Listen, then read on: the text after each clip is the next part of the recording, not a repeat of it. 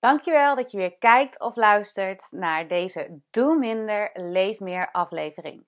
En in deze aflevering wil ik graag met je ingaan op het onderwerp controle loslaten. Hoe dan? En uh, ik ben Maria Beek en ik begeleid je naar een leven waarin je weer voelt dat je echt nodig hebt. Want als jij niet goed voor jezelf zorgt, wie doet het dan wel? En controle loslaten, dat is wel een dingetje. Um, als ik zo eens uitvraag bij de mensen uh, uit mijn inspiratiemailing, uh, dan is eigenlijk controle uh, vaak het grootste onderwerp als het gaat over hoe kan ik meer loslaten? Hoe kan ik meer accepteren? En daarom dacht ik, hey, hier wil ik wel even met jullie in, op ingaan. En vooral ook zal ik even wat ingaan op het onderwerp controle en loslaten, hoe dan? Uh, en doen we ook een meditatie waarin we gedachten gaan leren labelen. Want ik denk namelijk uh, dat als je dingen gaat leren herkennen, uh, dat je dan ook beter acties kunt ondernemen om er niet in mee te gaan. En um, ik denk dat controle vooral een neiging van ons mensen is om maar niet om te gaan met veranderingen. Maar guess what? De hele wereld verandert continu. Wij hebben ergens bedacht van, oh, wat als ik alles bij hetzelfde laat? Hè, dat niks verandert. Want dat willen we graag heel veel. Ik merk dat als ik uh, mijn cliënten spreek, dat verandering, ja, natuurlijk, want anders dan komen ze niet bij mij. Uh, maar ja, liever niet te veel. Want wat als alles zo verandert dat ik het niet aan kan? Of dat ik mijn hele leven moet omgooien? En dat is controle in actie. Want er is één wetmatigheid in, in dit leven. Uh, er is, alles verandert continu. Ontspan. Er is geen controle. En uh, dat uh, bedenken is best pittig. Namelijk dat alles continu verandert. Dat het leven dat je kende op dit moment alweer heel anders is. Um, en daarin gaan we graag in verzet. En dan komen we weer uh, op ons stressmechanisme uit. Als we ons verzetten tegen veranderingen, gaat de een heel hard vechten. Dus je wordt heel boos en gaat, gaat heel erg aan de slag om het maar hetzelfde te behouden. En de ander gaat vluchten. Dus je duikt bij wijze van spreken onder je dekens, wil niet meer uit bed komen. Of je neemt een extra wijntje s'avonds. En nou ja, er zijn zoveel manieren om te vluchten. Dus deze mechanismen komen voort uit, uit een stressreactie van hé, hey, ik wil dit niet, ik vind het gevaarlijk, ik vind het eng. En uh, ik ga er tegen vechten of ik ga ervoor vluchten. En um, controle loslaten heeft, is eigenlijk geweldig als dat lukt. Want het geeft je meer vrijheid. Het geeft je meer uh, compassie voor al je emoties, en maar ook van emoties van anderen. Uh, je bent vriendelijker voor jezelf, maar ook vriendelijker voor je omgeving. Als je niet de hele tijd bezig bent, maar om alles onder controle te houden. Dus ik denk dat het heel erg belangrijk is om meer veerkracht te ontwikkelen in je leven. Dat wat alles wat naar je toe komt, dat je dat ja, kunt observeren en daarmee om kunt gaan. En uh, het kost heel veel energie om continu overal controle over te hebben. Ik was echt, en nog steeds heb ik die neiging wel, een echte controlefreak. Ik denk dat ik voor mijn collega's een ramp was. Uh, omdat ik vond dat altijd alles goed moest. Het moest allemaal perfect. Uh, ook hè, in mijn eigen huishouden merkte ik dat ik gewoon de hele tijd het idee had dat ik achter de feiten aanliep. Dat het nooit helemaal klaar was of af was. En ik irriteerde me dood. En het kostte zoveel energie. Ik was zo bezig de hele tijd om, nou ja, alles maar gewoon duidelijk te krijgen. Ik bedoel, ook in to-do-lijsten kun je doorslaan. En dus weer je controleneigingen helemaal uh, nou ja, daarop botvieren. En, um, maar wat helpt dan bijvoorbeeld heel erg hierbij? En ik neem een voorbeeld uit mijn leven van jaren terug toen ik in Amsterdam woonde.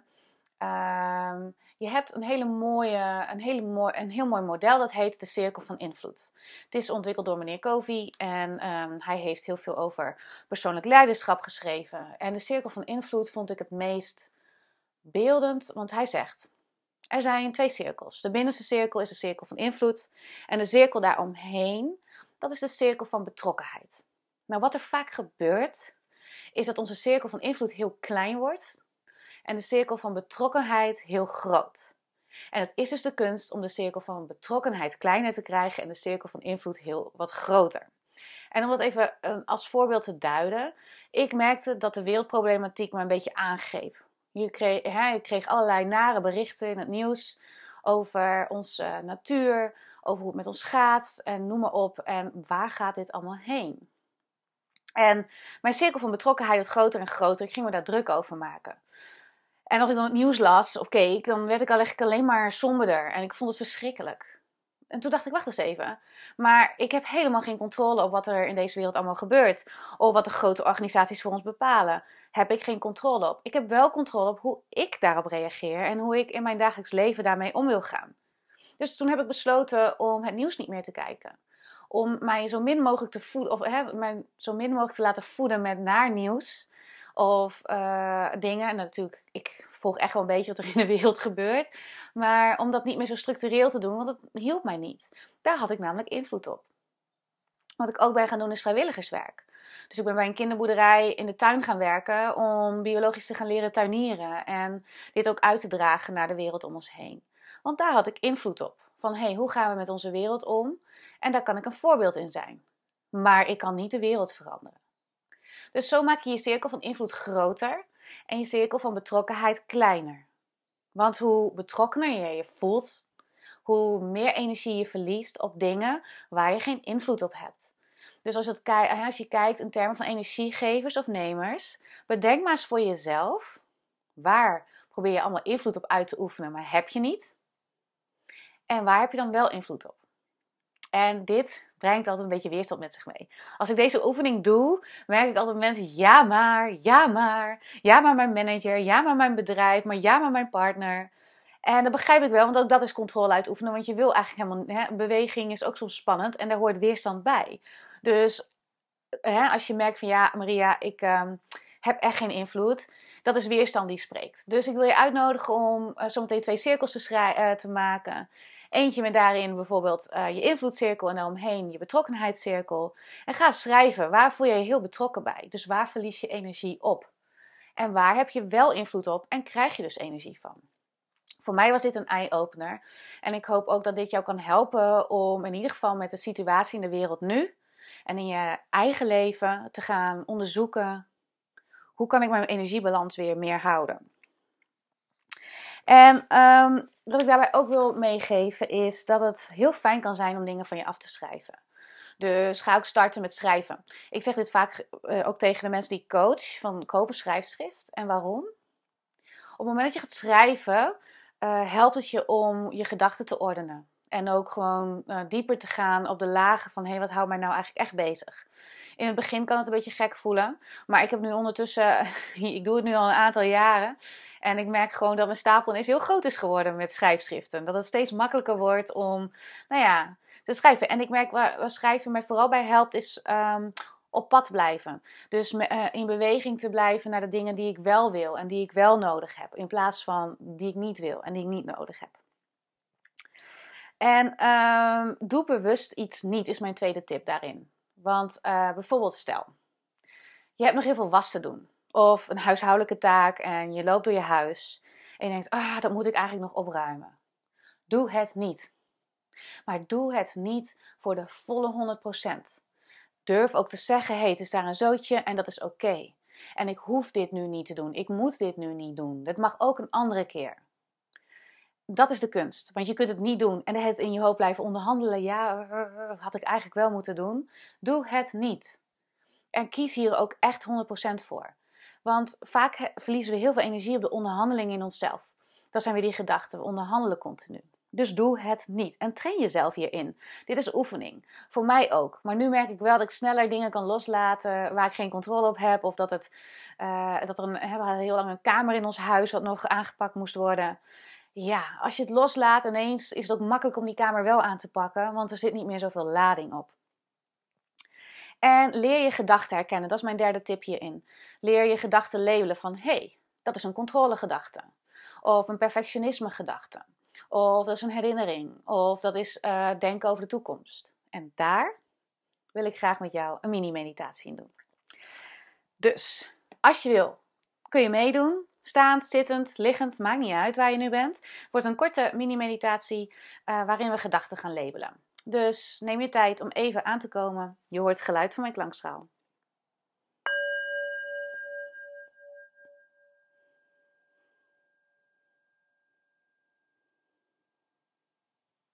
Allereerst breng even de aandacht naar je ademhaling. En geef jezelf even een paar ademhalingen om echt even aan te komen in de houding die je aanneemt.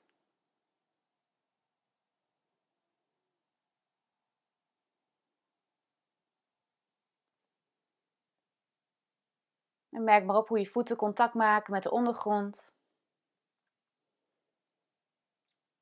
Misschien je voeten even begroeten van hé, hey, die zijn er ook nog. Je lichaam is altijd in het hier en nu.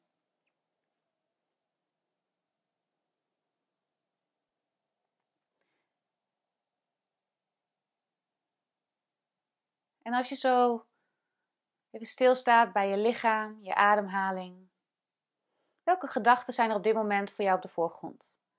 Misschien gaat het over dingen die je straks nog moet gaan doen, of die je zojuist hebt gehoord. En nodig jezelf uit om daar als ware wolkjes van te maken, die voorbij komen. En in die wolkjes kun je dan een woord schrijven waar die gedachte voor staat. Dus misschien ben je op dit moment heel erg aan het plannen dan zijn dat plangedachten. Of misschien ben je nu heel erg bezig met de dingen die je allemaal moet doen. Maar dan ook echt van, hé, hey, dat moet ik en dat moet ik. To-do-lijsten, moetjes. Misschien ben je op dit moment heel erg aan het oordelen over hoe jij het doet of over wat je vindt van wat ik zei. Dan kun je dat labelen als oordelen.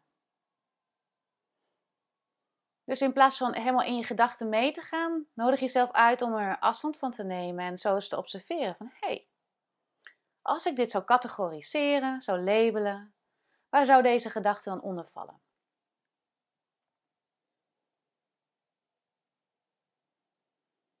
Er is geen goed of fout. Gewoon doen.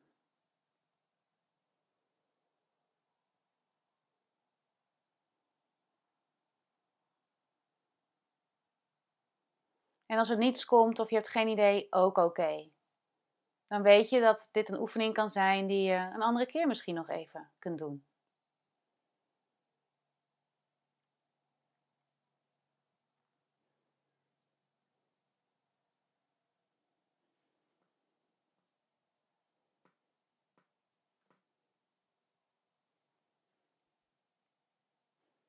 Adem nog even een keer diep in door je neus. En uit door je mond. En wees je weer even bewust van je lichaam.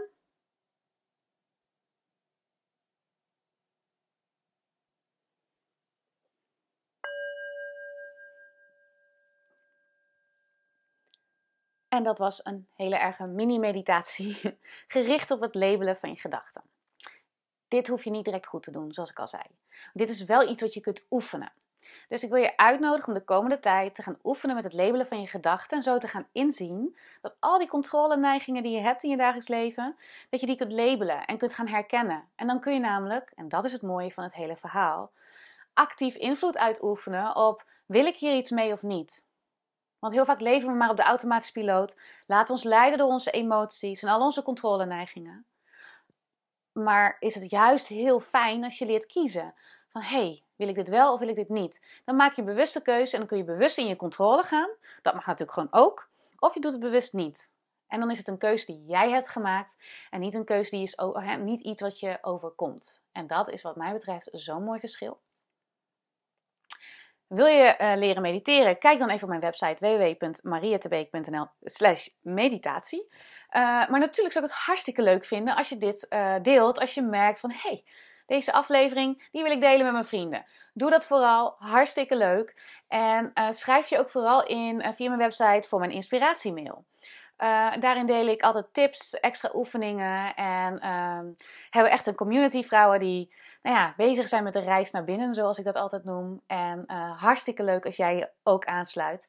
En voor nu hoop ik dat dit je heeft geholpen. Heb je vragen? Laat het me weten in de comments. Stuur een mailtje.